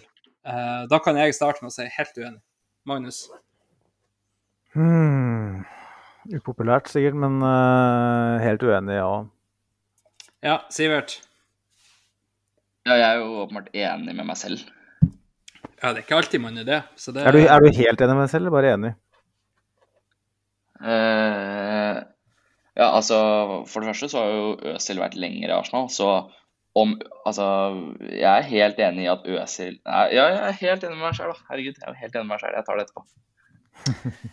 Ja, men da skal jeg kjøre argumentasjon først. Eh, som de fleste som har fulgt meg i min tidligere podkast, og kanskje til og med fått med seg litt av mine meninger så langt, eh, så er Mesut Özil min Dennis Bergkamp, for å dra eh, sammenligninga til Magnus. Um, jeg har ikke sett noen som gjorde ting med en fotball på den måten, som så rom på den måten, som, som rett og slett Altså, når, når han var on it, så så det så lekende lett ut. Og han får så dårlig et rykte pga. åssen det slutta i Arsenal. Eh, han hadde flust av gode sesonger for Arsenal. Han hadde knust alt av rekorder med assist eh, det året Leicester vant ligaen, om vi hadde fortsatt å skåre mål. Eh, for han slutta ikke å legge de på et sølvfat. Eh, han ble nok kaptein etter hvert, fikk etter hvert en altfor stor kontrakt, døde bort. Uh, ble dytta ut av klubben uh, og uh, gjorde ikke veldig mye rett sjøl i den situasjonen. der. det var, og etter hvert har vi jo forstått det hjertet mitt ble knust da han gikk. Og, og, jeg har forstått etter hvert at det ikke bare er fotballgrunner til at han ikke får ting til å fungere. Um, har jo nå lagt opp. Jeg fikk mitt største hjertesukk på ganske lenge. Når jeg starta en ny Fifa-serie for ikke så lenge siden, så var ikke Mesut Özil på Fifa. Det, var, det, var, ganske trist. Um, og han Det han gjorde for klubben, den statementen det var å signere han, Eh, sånn som han var på sitt beste for Real Madrid og for Arsenal, så er dessverre Martin Ødegaard er ikke i nærheten ennå. Eh, så enkelt er det. Han har talentet til å, til å, komme opp dit, men for meg så er Øtzil alene oppå der. Så eh, det er så enkelt. Magnus, du var enig med meg? Ja, det er, det er jeg, men jeg vil argumentere kanskje på en litt annen måte. Jeg vil si at um Martin Ødegaard, eh, personlighet, eh, passeevne i moderne fotball og alt sånt er nok eh, hakket over eh, Øsil. Eh, men er han bedre enn Mesut Øsil? Nei, det er han ikke. Mesut Øsil eh, er kanskje den mest kreative fotballspilleren jeg noen gang har sett. Der Martin Ødegaard eh, er på en måte en mer sånn safe spiller som, som, på en måte sørger for at, uh, at maskineriet tikker og går, så er Øzil den brodden, den som uh, går på det løpet som åpner opp, den som slår den pasningen som åpner opp. Uh, en av de beste fotballspillerne jeg noen gang har sett. Talentet hans er helt, helt sinnssykt. Jeg syns han er en mye bedre fotballspiller enn en Martin Ødegaard, men det er en helt annen diskusjon å snakke om om han er en bedre spiller for Arsenal enn Martin Ødegaard.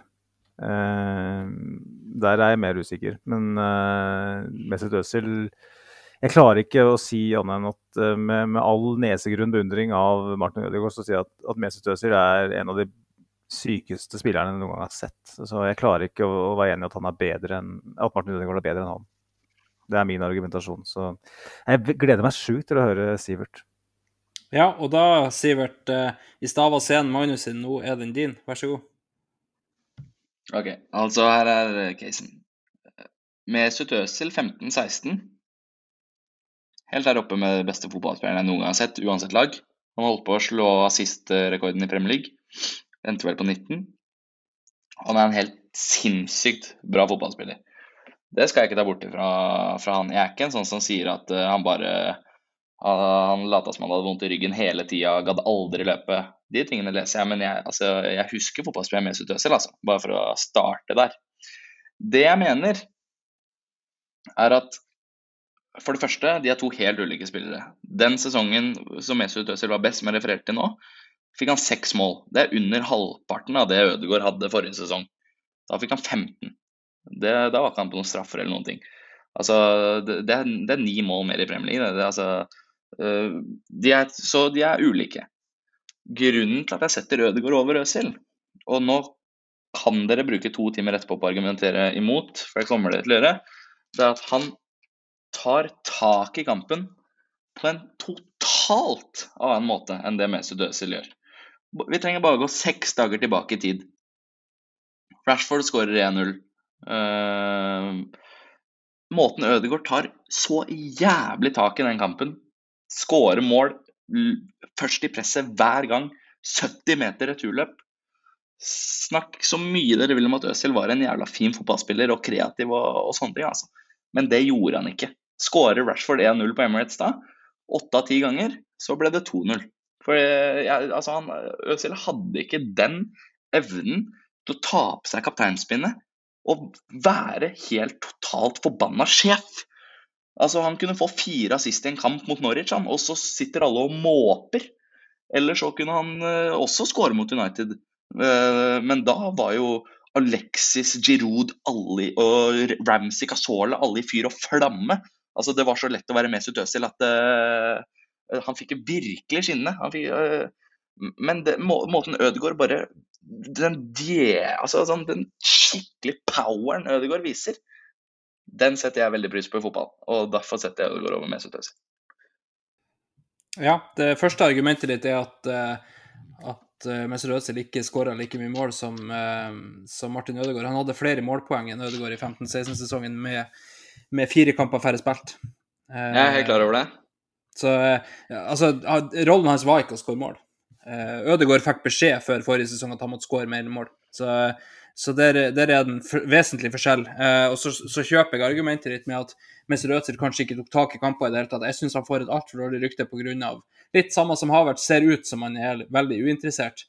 Eh, faktumet var vel at det var såpass lett for han å spille fotball at eh, da så han litt uinteressert ut til tider. Men det han gjorde med en fotball, det kan ikke Martin Ødegaard gjøre.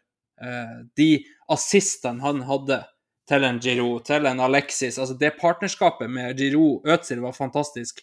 At vi fikk oppleve Alexis og Øtzil i lag, det er noe av det beste vi har sett i, i, i Arsenal over lengre tid. Eh, og, og det han gjorde med en fotball. Altså, Ronaldo har gitt han creds for å gjøre han til den spilleren han var i Real Madrid. Eh, det, det, her er fotballspillere som, som, har prestert det ypperste de har, fordi de har Mesut Özil bak seg. Eh, jeg vet ikke om det er så veldig mange i Så klart, altså, med kapteinen Ødegaard og alt det der, så, så, presterer du bedre, men jeg vet ikke om det er så mange som, som topper nivået sitt pga. at Ødegaard er i det laget der. Um, men det gjorde de med Mesut Özil i laget. Og uh, dessverre pga. måten det endte, så tror jeg mange husker det som verre enn det det var. Han, han var en av de beste spillerne i verden når han kom til, til Arsenal. Og, um, ja, en av de beste i verden. Ødegaard er jo en av de beste i verden. Han er ikke den beste i Premier League i, i sin posisjon. Det, det var Øtzil. Nei. Kevin De Bruyne er bedre enn uh, en Ødegaard. Det er han ikke. Jo. Ja, for to år siden, ja. Ja, han viste det jo fremdeles da i, i kampene han spiller. Så er han mye skada fordi han er gammel, men det er jo så. Uh, jeg, men, det, men det, er jo jeg, så har, uh, Ja, altså, jeg har, jeg har, Ød, jeg har Mesut Özil som en av de beste i Arsenal gjennom tidene. Det har jeg ikke. det, ikke. Det har du ikke. Jo. Det har jeg. Uh, det er klart, det her blir jo en uh, debatt også litt på personlige preferanser og, og følelser og alt sånt. og det, det, skal man jo på en måte ønske velkommen, men jeg tenker jo at Utgangspunktene er ganske forskjellige. Eh, man har en ledertype, eh, en managerens høyre hånd, og så har du en som er litt unnvikende, en som på en måte er litt sånn eh, Hva heter det? Et uh, misforstått geni, eller et flaw genius, eller hva man, man kaller det, Mesut Özil. Aldri en leder, aldri en, den som skal være uh, premissleverandøren. Uh, avhengig av å ha stjernespillere rundt seg. men når han har det, så løfter han de. mens Ødegaard er heller den som løfter de, de rundt seg, og kanskje gjør et, et, kollektiv enda bedre. Han er mye mer en lagspiller. sånn sett. Øzil er en en verdensklassespiller som kan sette kreven på kaka. Eh, De Bruyne litt, Han har litt av begge. Derfor er kanskje han den beste. Eh, Endeproduktet til, De Bruyne, det, det, så vi i, vår. Eh, det er kanskje den beste tilretteleggeren til Dennis Bergkamp i Premier League, dessverre. De Bruyne. Det han har prestert, det han har levert, det kan vi ikke jeg, jeg, jeg føler at potensialet til Øzil ligger enda høyere enn de Bruyne, og der ligger frustrasjonen min òg. Så er spørsmålet, når man man definerer best av de to, hvilke kriterier ligger til grunn? ikke sant? For at Øzil er den beste fotballspilleren, uten tvil. Martin Ødegaard er den beste personligheten.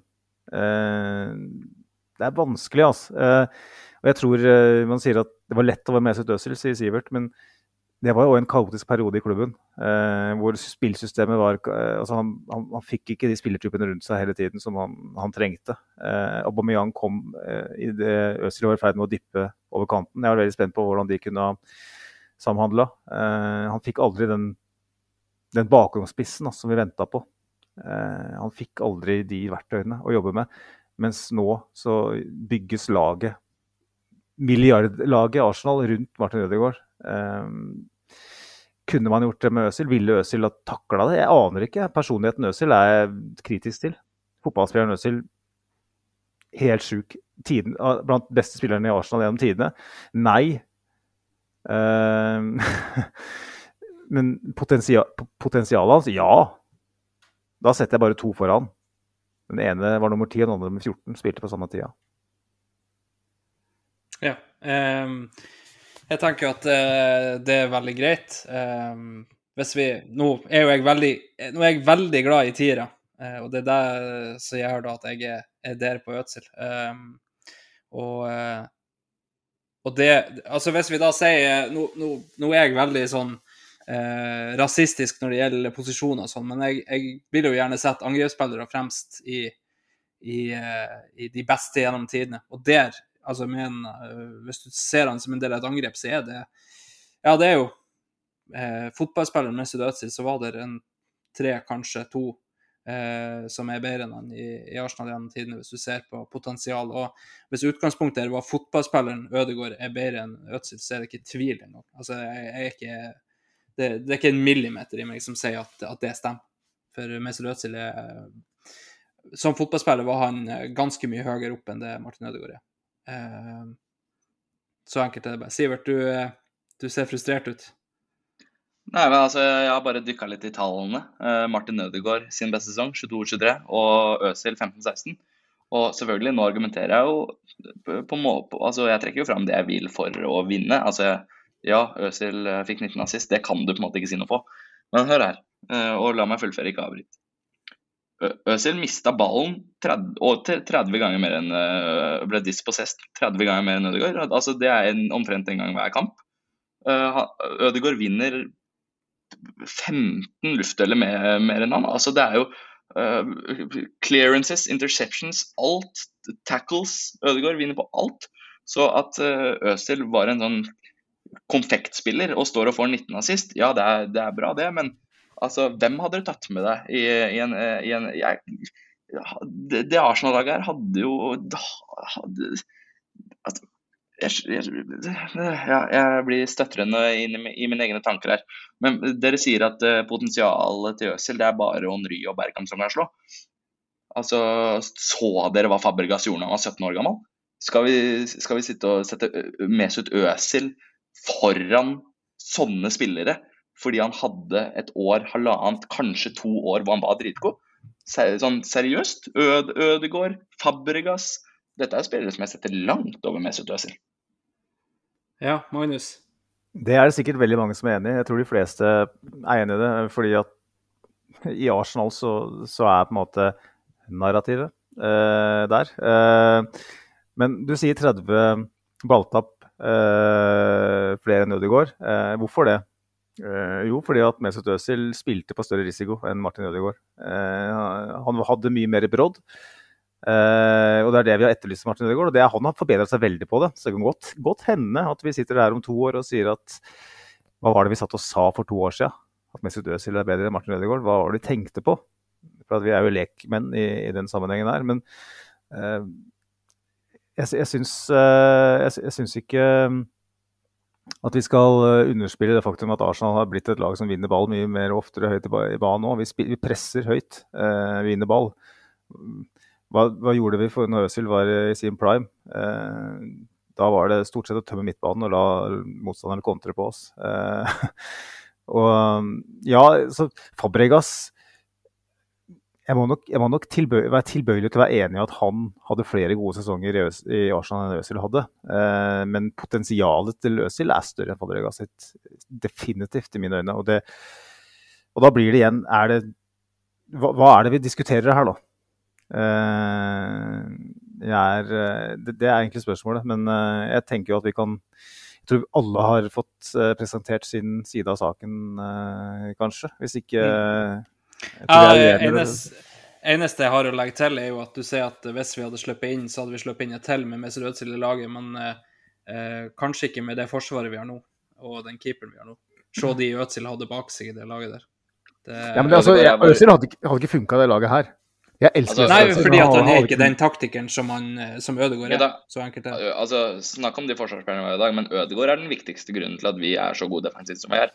Han er førstemann i pressledd og førstemann tilbake. Altså, Sett mest ut til det laget her, og vi kommer ikke topp fire. Så den er klink gutteklubbinger. Ja, altså, det, det, er jeg ikke enig i, men jeg er enig i at han funker ikke i det laget her.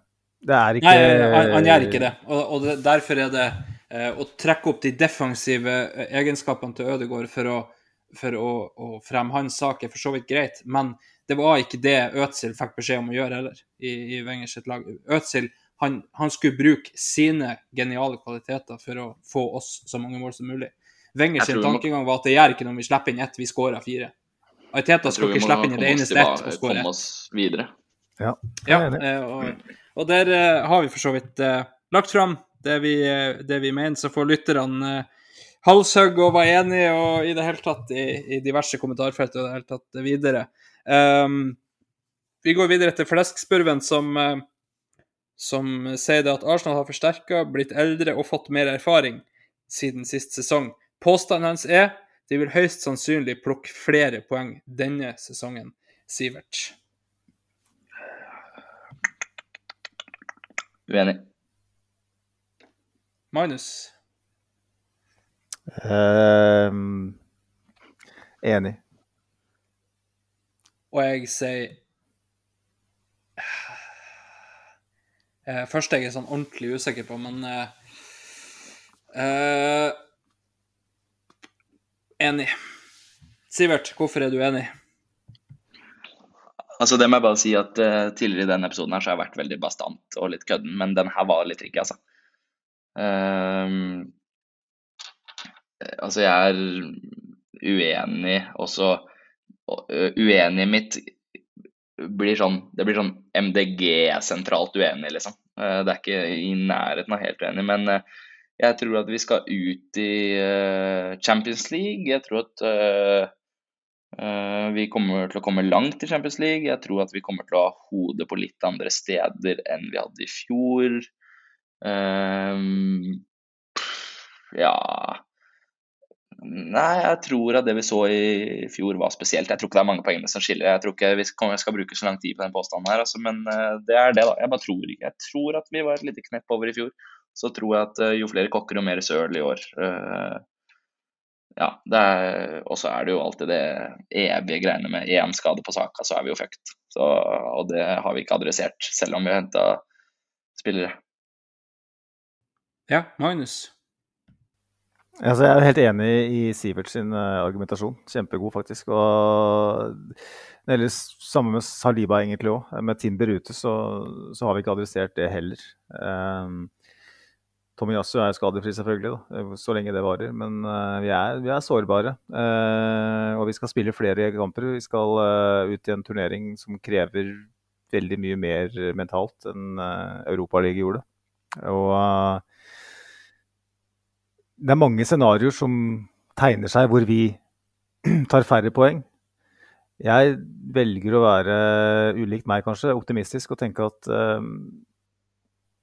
jeg tror vi kanskje har blitt kjedeligere. Eh, vi har mer ball og vi eh, har mer kontroll, mer dominans. Det Ariteta faktisk ønsker. Og mm, kommer til å, å vinne, vippe kamper i vårt favør ofte. Eh, og når ting går mer på skinner, så tror jeg vi, vi, kommer til å plukke mye poeng. Jeg tror Vi kommer til å, vi kommer ikke til å nærme oss høstsesongen, men jeg tror vi sånn totalt sett kommer til å plukke flere. Vi kommer ikke til å ha en kollaps på samme måte, for vi er mer taktisk fleksible. Uh, ref det vi har snakka om tidligere. Uh, vi har en Declan Rye som kommer inn og er uh, Han har vært en milliard. Og du har Martinelli som er ett år eldre, du har Saka som er ett år eldre, og Ødegaard som er enda varmere i, i trøya. en Saliba som jeg vanskeligere for å skjønne at skal være porøs. Altså, han fikk en ryggskade, han landa på ryggen mot Fulham. Gabriel er aldri skada, så må vi bare krysse fingra for at Sinchenko sånn holder skadefri. Da. Uh, og at Saka fortsetter å brenne på alle sylindere. Uh, det er ingen av oss som ønsker å benke han, har jeg skjønt. Uh, men, men, altså Jeg tror totalt sett at vi kommer til å komme over, men det er, det er veldig marginalt, da. Jeg tenker liksom Vi kan komme ett, to poeng over, vi kan komme to poeng under. ikke sant? Det, jeg tror ikke vi kommer radikalt mye høyere enn i fjor, men jeg tror vi Jeg velger å drikke av det halvfulle glasset. Ja, eh, min argumentasjon kunne jo egentlig ikke være så veldig mye annet enn at jeg var enig i at Sega tippa oss til seriemesterskap, eh, eller seriegull. Eh, jeg har jo Jeg har vært litt usikker når jeg så konkurrentene våre i begynnelsen på om det faktisk skulle skulle være like på en måte, i hermetegn da, lett som i fjor. I fjor var vi alene med City. Eh, og så har jeg jo sett litt mer av konkurrentene våre, så ser jeg at ok, vi, det er faktisk bare vi som er i nærheten av City, eh, sånn stabilt sett. Eh, jeg syns det er et kjempegodt argument du har, Magnus, om at vi, vi er blitt kjedeligere, ja, men vi har mye mer kontroll. og, og det kommer til å, å, betale seg etter hvert. vi vet at det er det City har gjort. uten å dra sammenlignelsen altfor langt, så er det akkurat det City gjør. Uh, bare at de er kanskje litt mer kjedelige etter de har fått målet. Vi, vi er litt kjedelige før det òg, til tider. Men uh, altså når, når, City får 1-0, så er jo kampen ferdig. Da. De er ikke interessert i 2-3-4-0. Ikke i alle kampene, i hvert fall. Uh, de, de, kan godt bare spille deg ut i, i, de resterende 70 og egentlig ikke gidde å ta noe særlig risk. Og Det er litt dit vi er på vei nå. samtidig som, som tidligere nevnt i, i, i kveldens pod, så, så, har vi fått mer fleksibel eller fleksibilitet i taktikken vår. Vi, vi har begynt å gjøre ting på en litt annen måte enn det vi gjorde i fjor, eh, som tilsier at når vi kommer nå til, til mars-april, så burde det ikke være sånn at alle motstandere vet hva de skal gjøre mot oss uh, for å stoppe oss. Um, så som deg, Magnus, så tror jeg ikke det. Det er ikke sånn at vi tar seks, sju, åtte poeng mer enn i fjor. Jeg tror kanskje det er sånn to eller tre, kanskje. Og så vet jeg ikke om det holder til, til seriegull, for City har vært vanvittig gode fra starten. Men ja, jeg, jeg, tenker at det er greit. Er det noen som har noe å legge til før vi går videre? Nei, dere var stille begge to. Da, da tenker jeg vi kjører videre på uh, Henrik uh, Come On You Gunners 2, som da sier at Ødegård er vår beste spiller. Uh, der skal jeg gå først. Jeg er um, helt uenig. Sivert? Det er jo nyanser her, men jeg velger å si eh, enig. Ja, det er, ja jeg holder meg på den, Så kan jeg snakke siden. Ja, Magnus? Uh, uenig. Ja, da skal jeg kjøre først. Uh, grunnen til at jeg er helt uenig, er fordi at uh, Saka er bedre enn Ødegaard. Uh, Martinelli sitt potensial er bedre enn Ødegaard. Eh, og eh, Saliba er bedre enn Ødegaard. Eh, Declan Rice kan òg nevnes i denne, i denne samtalen. Men ja, altså, jeg, jeg syns Ødegaard er fantastisk. Nå har jo jeg satt og snakka han ned når vi snakker om Øtzil, men, men Øtzil er min øverste. Det, altså, det, det, er ikke noen over ut av det jeg har sett og sett mye av. Så, så, det blir litt annet. Eh, Ødegaard er en fantastisk spiller. Han er en fantastisk representant for klubben. En, en herlig kaptein. Eh, han gjør absolutt alt han skal gjøre, og, og Arteta er, er, helt over the moon. Vi, vi satt og prata om, eh, om, det her når Ødegaard kom inn, som at det her er jo Arteta som har fått svigermors drøm. Eh, på trappa. Så det er ikke tvil om at, at han er en fantastisk fotballspiller. Råmaterialet er der til gangs. Men jeg ser spillere i klubben som er bedre enn han til det de gjør. Altså, så er jo alltid det her en diskusjon, så klart. En, en stopper kan han være bedre enn en, en, midt, en offensiv midtbanespiller, kan han være vektigere, bla, bla, bla. men toppnivået til Saliba er bedre enn en Ødegaard og Saka er bedre. Det er de to i sånn hovedsak jeg, jeg, vil, jeg å ta. Martinelli har det til tider, men ikke, ikke, kanskje stabilt nok til at vi kan sette han helt der oppe. Uh, for Ødegaard er relativt stabil. Um, men uh, jeg syns ikke vi har sett en ordentlig dårlig kamp av Eller vi har i hvert fall ikke sett to og tre på rad ordentlig dårlige kamper av Saliba, f.eks. Uh, Saka har vi sett mer stille kamper, men, men han kan fortsatt poppe opp med et mål fra utfor 16. Uh, det kan for så vidt Ødegaard, gjøre, ikke det. Men uh, nei, det er i hvert fall min argumentasjon. Sivert, du var enig i den påstanden? Ja, og det må jeg også bare si, det er ikke en altså det er ikke en, Å være enig i den påstanden det er ikke noe jeg står liksom med begge beina planta i bakken på. her er det nyanser.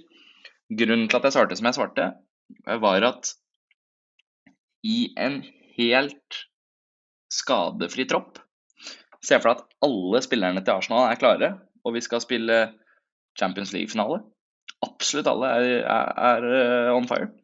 Så var det jeg tenkte, at hvis du tar ut Saliba f.eks., så må du starte med Sinchenko, Gabriel, White, eh, Timber. Laget klarer seg. Og det tenkte jeg hele veien. Og så tenkte jeg ta ut Ødegaard. Ta ut spilfireren, ta ut gullgutten til Arteta ta ut kapteinen, da mener jeg at han er den viktigste spilleren på Arsenal. Uh, og da blir det beste også. Uh, men det er som sagt det er ikke noe jeg står jævlig planta i, så um, jeg trenger ikke snakke så lenge om det. Altså. Men uh, ja, jeg sa meg enig i den. Men så kom jeg på at Declan Rice fins også. Å ta ut Declan Rice så da begynner det å bli tungt. men ja, jeg står i den. Jeg gidder ikke å bruke hele natta på den. Ja, må bare unmute meg sjøl først. Uh, Magnus, du var enig i denne påstanden. Hvorfor, hvorfor var du det? Eh, jeg var vel uh, uenig, var jeg ikke det? stemmer, stemmer. Det her blir, det, det her, altså De diskusjonene her, da, hvem er best, det handler litt om personlige preferanser, som vi har vært inne på. vanskelig å bestemme hvem er best. hvem er best og hvem er viktigst. Det er jo på en måte to litt forskjellige ting. Um, jo, men hvem er best? Det er jo barneskole, da. Det er jo, mm. De er jo en midtstopper og en spiss og en offensiv. Ja, ja. Uh, nettopp. Og jeg, jeg, tenker jo at, uh, at uh, Martin Ødegaard er blant de tre beste spillerne Arsenal har. Det, han kan godt hende at han er den beste. Det, personlig så, så syns jeg at at uh, Saliba er best. Og jeg har også saka over, over Ødegaard, men det er altså Jeg syns det er veldig vanskelig å, å, å, argumentere for slike ting. Det er, to, det, er tre helt eksepsjonelle fotballspillere, og så kan man begynne å snakke om hvem er det som man ikke kan ta ut osv. Uh, beviselig så var Saliba ekstremt viktig eh, når vi tok han ut i, i fjor. Eh, Saka har vi nesten ikke opplevd er ute, men eh, han er jo Hvis du ser på hvem som har skåra 1-0 oftest, hvem som har skåra 2-1 oftest, så, så Saka vært helt eksepsjonell. Eh, og så har du lederen Ødegaard, eh, presslederen Ødegaard, premissleverandøren Ødegaard. Eh, managerens høyre ånd Ødegaard. Eh, ekstrem eh, pådriver for det vi, vi, prøver å utrette. Um, men personlig så Og så vil jeg bare si det at Eh, han, du var vel sa Andreas at uh, Ødegaard har flere kamper som på en måte har forsvunnet ut. og sånn, så, så det er lettere å være Saliba. Uh, det er lettere å være forsvarsspiller sånn sett. Uh, som offensiv spiller så, så spiller du på, på større risiko, og, og, hvis laget ikke funker, så, så, er det lettere å skinne som, som, som midtstopper. Og hvis laget funker også med måten vi spiller på, så er det lettere for Saliba å skinne. For han står der som en, nesten som en sekser når vi, i ballbesittelse og styrer spillet. Jeg sier ikke at det er enkelt, men jeg tror det er det er lettere å, å levere sju av ti hver uke som forsvarsspiller enn som en, en angriper. Uh, og Så jeg syns vi skal ta Ødegaard på det. Uh, men uh, igjen, jeg, jeg syns det er ekstremt vanskelig. Altså. Jeg tenker uh, Ødegaard er en av, de, en av de beste spillerne vi har. Men hvis du skal liksom presse meg på det og sette kniv mot strupen, så tenker jeg at han er ikke den beste, nei. Nei, altså, Sivert? Nei, jeg, altså, jeg valgte å bruke premisset viktigste for å kåre beste. Fordi altså, e, e, et eller annet må du jo bruke. Hvem, altså, beste spilleren på Arsenal. Best løpskapasitet, best pasningsfot, øh, øh, nesten best mål. Altså, på et eller annet punkt så må du bli den beste. Skulle jeg tatt med én Arsenal-spiller på five-a-side-kamp f.eks., så hadde jeg jo ikke valgt Ødegaard, da hadde jeg valgt Gabriel Jesus. Syns ikke han er den beste. Uh, altså, ja, det syns jeg er umulig å prate Jeg syns det blir for åpent spørsmål. altså. Men uh, mm. Men uh, vi er vel alle enige om at vi setter jævla pris på fotballspilleren Martin Ødegaard, da. Så Absolutt. Mm. Jeg tenker det er fin, en fin måte å, å, si det på. Altså. Det er um, Ja. Det er, det, det, det, det, som er kult med, med, det som er kult med sånne statements, da, at man, man, man, må tenke litt. Ikke, man kommer ikke inn eh, varm og har bestemt seg på forhånd for hva man skal si. Man må faktisk eh, der og da riffe litt, og det har vi gjort. Det har vi så absolutt. Vi har til og med røkket og blitt eh, litt uenige. Eh, det er veldig veldig gøy. Eh, vi hadde jo et problem Magnus, i de første i, i min podkast, at vi var jo stort sett enige i alt. Så det var ikke så veldig masse diskusjoner i, i, i de podene. Her har vi jo fått en del. Det er der jeg kommer inn. ja, kanskje. Nå har jo jeg og Magnus vært litt uenige, vi òg. Det er jo ikke så ofte, kanskje. Men, men det har skjedd faktisk i, i kveld. Um, så får vi Jeg tror vi sier det, gutta, at, at det får holde for i kveld. Alle tre har eh, jobb slash forelesning i morgen tidlig. Eh, klokka eh, nærmer seg ubønnhørlig eh, svarteste natta. Så eh, jeg tenker at det er greit eh, for, for, i kveld. Vi får si eh, tusen takk til de som har kommet med, med, statements til oss, og så får vi si beklager så mye til de vi ikke har rekt å tatt med. Um, og så tenker jeg at det får være det, hvis ingen har noe å, å legge til her før vi avslutter. Nei, altså det er kanskje greit å bare nevne det at uh, vi er tilbake til samme tid neste uke. Uh, når vi skal til uh, Goodison. Uh, Sivert sin Happy Hunting Ground, hvor han har mange gode opplevelser. Det er riktig. jeg har vært på Goodison tre ganger. tre tap. Så den er grei. Men Da er det greit at du ikke er der, da, tenker Sivert. Jeg kødder ikke forrige gang jeg var på Goodison. Da hadde vi vært uh, spilt mot United borte tre dager før. Tapt knepent. Ødegaard hadde laget straffe, var litt kjipt. Og så hadde jeg bare akkurat rukket å komme meg ned til London igjen. Uh, et par forelesninger. Skrevet litt, skrevet litt eksamen.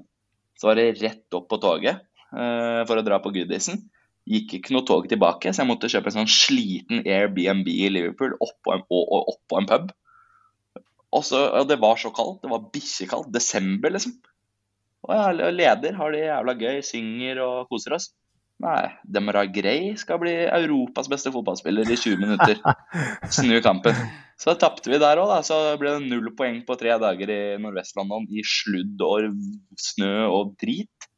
Åh, Jesus, jeg hater Goodison. Jeg, jeg er glad vi ikke spiller en preview, for å si det sånn, bare etter. Uh, nei, det er altså Når jeg ser på terminlista før sesongen, så uh, Grunnen til at jeg har vært på Goodison tre ganger, det er fordi jeg alltid peker meg ut Everton borte. Fordi uh, flybillettene til Liverpool skambillig når Liverpool spiller borte.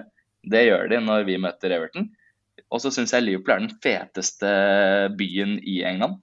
Litt kontroversielt, men jeg syns den der Matthew Street dritkul å feste på. Det er skikkelig liv. Og jeg er kjempeglad i den Scouser-mentaliteten, faktisk. Så jeg, men jeg har slutta å dra på Everton borte. Jeg, nå må de bare rive den. Bygge opp ny nede ved Albert Dock der og prøve på nytt. Få vekk det der Goodison-spøkelset. Altså, jeg, åh, jeg er så lei. La oss uh, ikke snakke om bilturen hjem, Sivert. Var det ikke der du hadde en Det, har vi tatt før, har vi ikke det? Eller var det en annen stadion? Ja, ja det var etter en annen, etter en annen tur, ja. Ok. Det tok Ja, men, vel eh, det. Og, og så tenker jeg at det er jo der, dertil viktig at de ikke får lov å avslutte med at vi fortsatt har det Goodison-spøkelset. Vi må legge det spøkelset før, før de flytter til nye stadion. Magnus, du har fingeren oppe. Som en siste påstand, og det er kun lov til å argumentere hvis du er uenig. Eh, Det er Arsenal banker Everton på Goodison endelig og legger all sånn type forhåndsspådom til skam og sånn derre Hva heter det? Intangibles. At, liksom, at det skal ha det bety at vi har tapt her tidligere. Eh, Påstanden er at Arsenal reiser til Goodison og er det beste laget og skal vinne og vinner. Havert skårer to. Den kunne vi sikkert argumentert litt, men, eh, men jeg tenkte eh, det, det er vel ingen av oss som er uenig i det. Nå, nå må vi bli ferdig med det der spøkelset. Vi har, vi har vært Ghostbusters i hele fjorårssesongen, og nå er det på tide med et av de siste. Eh, vi, vi tar vi tar goodisen der. Eh, da tenker jeg at eh, da avslutter vi. Sivert, du må huske å mate katta før du legger deg. Eh, ifra meg så er det som alltid vi hørs, og Magnus Ha det, ha det. Hei.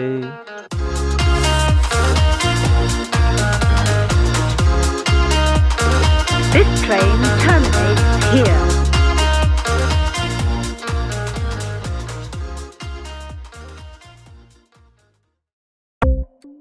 Ukens annonsør er HelloFresh. HelloFresh er verdens ledende matkasseleverandør og kan være redningen i en travel hverdag. Mange av oss har nok vandret i butikken både sultne og uten en plan for middagen, som ender med at vi går for de samme kjedelige rettene gang på gang. Middag burde være dagens høydepunkt. Som HelloFresh kan du nå velge mellom 25 ulike retter hver eneste uke, eller få HelloFresh til å sette sammen menyen for deg. Dette gir deg muligheten til å prøve nye og spennende retter alene eller sammen med familien. Du velger antall porsjoner og får alt levert på døren på et tidspunkt som passer for deg. Oppskriftene er enkle, og maten er lett å lage både for store og for små. Ved å få alt levert hjem får du også mer tid til å dele matgleden med familie og venner. Kanskje det frister med asiatiske tacos eller greskinspirert kylling? Da kan jeg anbefale deg om å gå inn på hellofresh.no. Her kan du bruke koden FOTBALL og få opptil 1779 kroner i rabatt på de første fem matkastene hvis du ikke har prøvd HelloFresh tidligere. Du kan også bruke rabatten hvis du har vært kunde og stoppet abonnementet ditt for tolv måneder siden eller lengre. Gå inn på hellofresh.no og bruk koden FOTBALL. Har du et enkeltpersonforetak eller en liten bedrift? Da er du sikkert lei av å høre meg snakke om hvor enkelt det er med kvitteringer og bilag i fiken, så vi eh, gir oss her, vi. Fordi vi liker enkelt. Fiken superenkelt regnskap.